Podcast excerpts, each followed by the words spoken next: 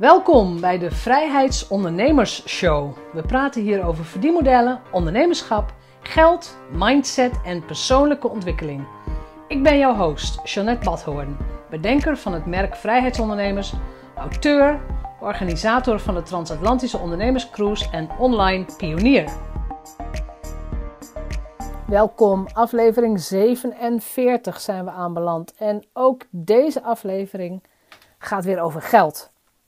In de vorige aflevering heb je al heel veel ja, concrete tips gekregen over geld. En vandaag wil ik het eens hebben over oordelen die we hebben over geld. Dus oordelen als mens, misschien als ondernemer. En dat uit onderzoek is gebleken dat we nog liever over de dood praten dan over geld. En ik moet eerlijk zeggen, dat schokte mij nogal. De laatste twee jaren praat ik veel over geld. Ik, sinds ik ook Sacred Money Archetype coach ben geworden, sinds ik mijn Money Mindset boek heb geschreven, is het een onderwerp wat voortdurend naar boven komt als ik met mijn ondernemers spreek, als ik met hè, als ik intakegesprekken doe, dus met nieuwe ondernemers spreek. Het is gewoon een belangrijk onderwerp voor ondernemers. En de reden dat ik over geld praat is niet omdat het over geld gaat. Het gaat nooit over geld. Het gaat om de emoties, de gevoelens, je gevoel van eigenwaarde, wat jij hebt gekoppeld, wat jij hebt verbonden aan geld. Het gevoel, de stemmetjes, jouw relatie met geld, eh, de waarde van je netwerk. Alles is aan eigenwaarde, aan zelfwaardering en aan natuurlijk ook aan geld gekoppeld. Maar geld is gekoppeld aan veel grotere mechanismen dan alleen maar geld. Dus ik wil drie redenen bespreken. Eigenlijk smoesjes misschien. Maar drie redenen die wij gebruiken om niet over geld te praten. En nummer één is een oordeel. Ik weet niet hoe het met jou is, maar we hebben eigenlijk altijd vrij snel, met, misschien wel meteen, een oordeel klaar over mensen met meer of met minder geld. mensen met meer geld, dat zijn, nou ja, omhooggevallen types, dat zijn snobs, dat zijn, zo rijk kun je niet zijn, dat is, het is egoïstisch, hebberig, belachelijk, geldwolf. Maar ook over mensen die minder geld hebben dan jij, die het gewoon misschien niet zo getroffen hebben of misschien minder verantwoordelijkheid nemen voor hun leven. Ik heb geen idee. Maar daar hebben we ook meteen een, een oordeel over. Ze zijn lui. Hè? Ze pakken hun verantwoordelijkheid niet. Ze doen afhankelijk. Ze, stappen in een slachtofferrol. We hebben meteen oordelen. En daar kun je wel iets van vinden. Dat kun je wel goed of fout vinden. Maar de realiteit is dat we, nou, we, we zijn gewoon oordelende wezens, om het zo te zeggen. Dus ik ga ervan uit dat je dat herkent. Maar wat gebeurt er als jij ineens meer geld gaat verdienen dan de vriendinnen die je hebt of je familie? Welk oordeel heb je dan over diezelfde vriendinnen, diezelfde familie? Welk oordeel hebben ze over mij? dat ik een geldwolf ben, of dat ik, een, dat ik altijd mazzel heb, of dat ik het allemaal voor mekaar heb. Iedereen veroordeelt. Dus ook de mensen die heel dicht om je heen zitten, die jou je hele leven al kennen. En ik veroordeel ook, hè, mensen gaan dom met hun geld om, ze sparen niet, ze roken, ze gaan te vaak uit, allemaal oordelen. En ik ben ook maar een mens, ik kan, ik kan het nog niet, hè, oordeelloos leven, ik kan het nog niet. ik weet niet of het ooit haalbaar is, maar ik kan het nog niet. Maar wat doe je als je weet dat jouw vriendin het financieel moeilijk heeft? Betaal jij dan haar koffie? Praat je over geld? Kun je zien waarom ze geen geld heeft? Dus zie je de patronen? Of verzwijg je het een beetje? Dus geld is echt een taboe. Dus hoe praat jij over geld en ken jij je eigen oordelen? Dit was de eerste reden. De tweede reden is, je houdt jezelf voor de gek. Je kunt jezelf enorm voor de gek houden, zeker als het om geld gaat. Dus je koopt bijvoorbeeld een dure broek wel, terwijl je portemonnee leeg is.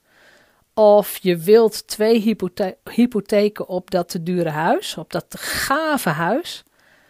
omdat je per se daar wilt wonen. En vervolgens lig je elke maand krom omdat je woonlasten zo hoog zijn. En stel dat je gaat scheiden, stel dat je het met z'n tweeën hebt gekocht en er volgt een scheiding, dan zijn jullie allebei de klos en zit je allebei in de financiële problemen. Dus waarom doen wij dat? Waarom houden we onszelf voor de gek? En waarom zeggen we niet gewoon nee tegen een te duur huis? Of waarom stoppen we niet met uitgeven als, nou ja, als het geld bijna op is? Dus waarom accepteer je van jezelf keer op keer dat je te weinig geld hebt? En waarom geven we niet aan onszelf toe dat we iets doms gedaan hebben? de keer dat je wel een auto kocht, maar de maandelijkse lasten nauwelijks kon dragen. Ik denk dat het te maken heeft met het feit dat wij korte termijn beloningen willen. dus we zijn korte termijn denkend. En lange termijn is voor lang niet iedereen meteen weggelegd. Het is iets waar je je bewust van moet worden. En de vraag die ik me heb gesteld is: heeft dat misschien te maken met, met je eigen geldblauwdruk? Hè? Dus hoe je hardwired bent om met geld om te gaan. Want de derde reden is: over geld praten is taboe. We praten niet over geld. Die studie waar ik het net over had, die is uitgevoerd door Merrill Lynch. En in die studie staat dat 61% van de vrouwen liever over hun eigen dood praat dan over geld. Dus we praten liever over onze eigen dood dan over geld. En ook ik heb van huis uit geleerd dat het niet gepast is om over politiek, over geloof of over geld te praten. En weet je, dat is iets, die onderwerpen zijn prima te vermijden. Daar hebben we het gewoon niet over. En waarom praten we niet over geld? Omdat er zit gewoon te veel emotie op. Dus er, er, kan jaloezie op zitten, er kan afgunst op zitten, er kan bewondering op zitten, er kan oneerlijkheidsgevoel op zitten. Hè? Mensen maken ruzie over erfenissen, alles. We, we praten niet over geld. Mijn ouders, waar ik vandaan kom, over sparen, over hypotheken, belangrijke beslissingen, lange termijnplanningen, nooit over gesproken. Het geldverhaal wat zij hadden is een heel ander geldverhaal dan dat ik voor mezelf wil. Wat we wel doen, we praten echt wel eens over geld, we praten wel over normale schulden. Dus een beetje nuance is natuurlijk op zijn plaats. Het is normaal om bijvoorbeeld een studielening te hebben. Dus als je vraagt hoeveel moet je nog afbetalen voor je studieschuld, nou, dat, dat, is, dat is een normale vraag, daar hebben we het over. En wat ook heel normaal is om te zeggen, uh, zeker als het over bijvoorbeeld kleding gaat of over een droomcruise naar Barbados, dan is het ook heel normaal om te zeggen, ja, dat vind ik veel te duur. Daar heb ik het geld niet voor over. Of wat je zegt, ja, ik wou dat ik het kon, kon doen. Hè, die droom, hè, een droomvakantie naar, weet ik veel, naar Nepal of waar dan ook naartoe. Het blijft een droom, omdat je blijft zeggen, ik wou dat ik het kon doen. Heel veel mensen vinden het normaal dat ze daar geen geld voor hebben. Die accepteren het van zichzelf dat daar geen geld voor is. En we accepteren het ook dat toekomstige klanten, klanten die heel graag mee willen doen aan onze trainingen, de smoes of het excuus gebruiken, daar heb ik geen geld voor.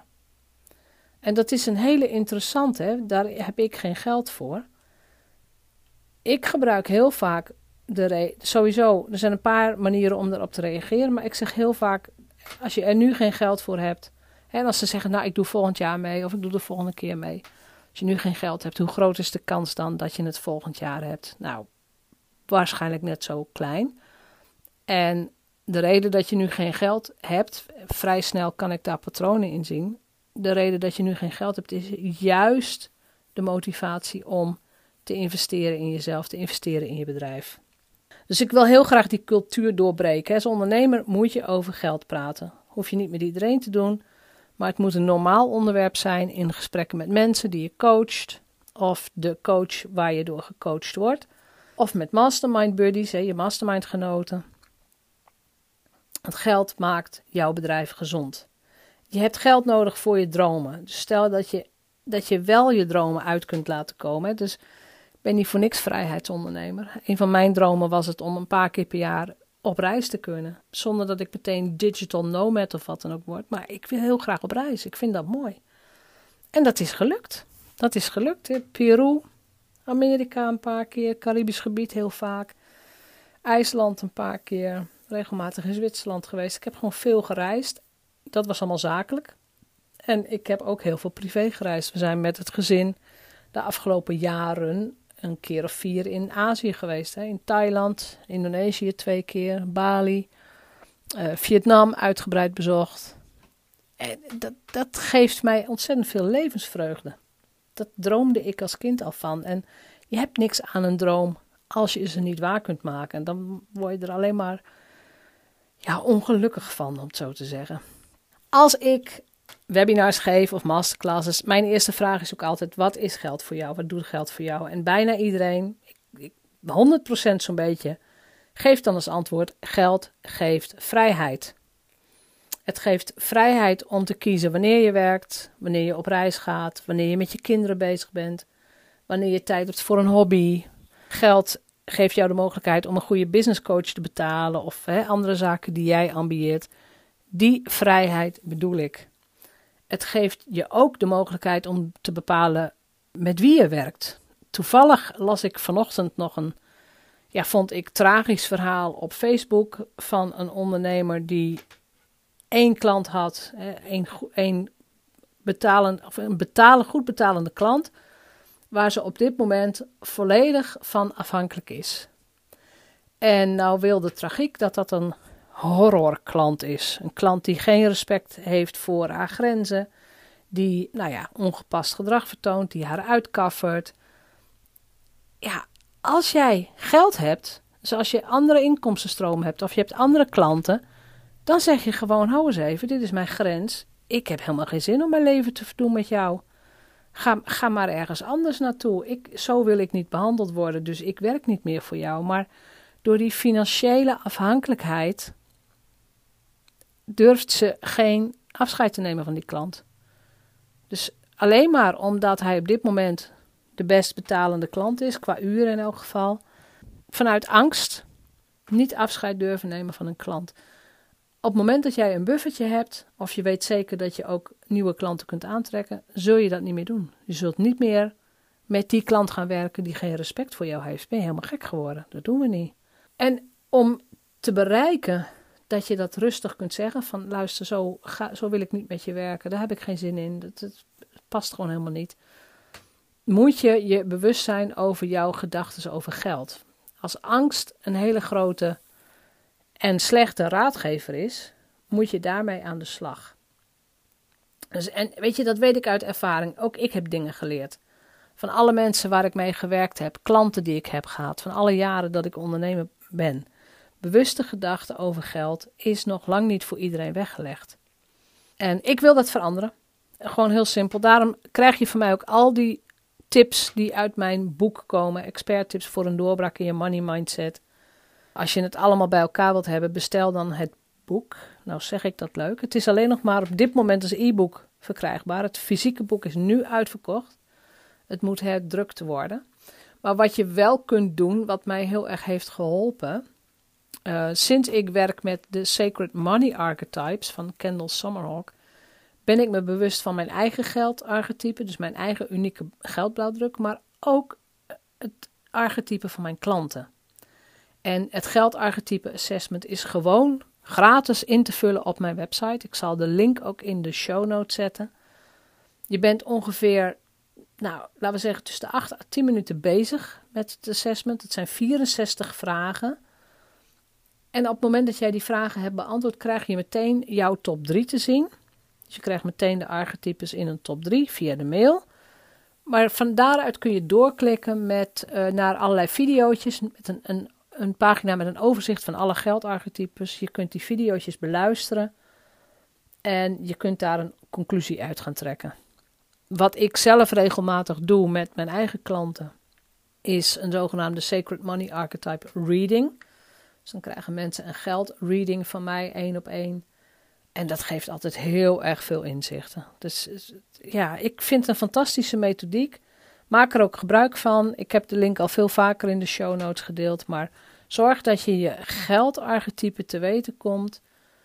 En zorg dat je weet waarom jij bijvoorbeeld moeite hebt met lange termijn planningen. Het ene archetype is daar heel goed in, het andere archetype heeft daar een hekel aan.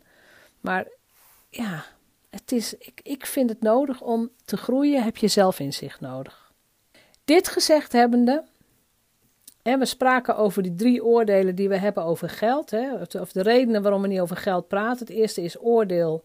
Het tweede is jezelf voor de gek houden. En de derde is over geld praten is taboe.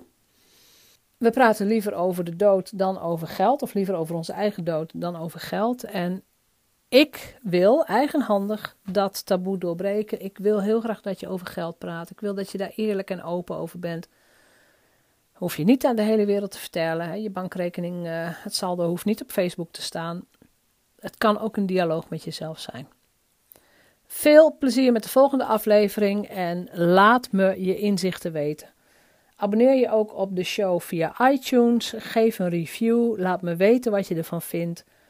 Uh, stel eventueel een coachingsvraag aan mij, want het kan heel goed zijn dat ik ook via de podcast mensen ga coachen. Of in elk geval vragen ga behandelen hiervoor. Of hierover. Dus laat het me weten.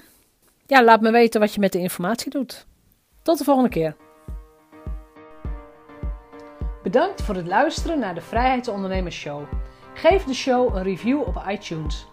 Als vrijheidsondernemer werk je waar, wanneer en met wie jij wilt. Dat gun ik jou ook. Ik weet dat het kan. En bij de juiste keuzes is vrijheid ook voor jou mogelijk op jouw vrijheid.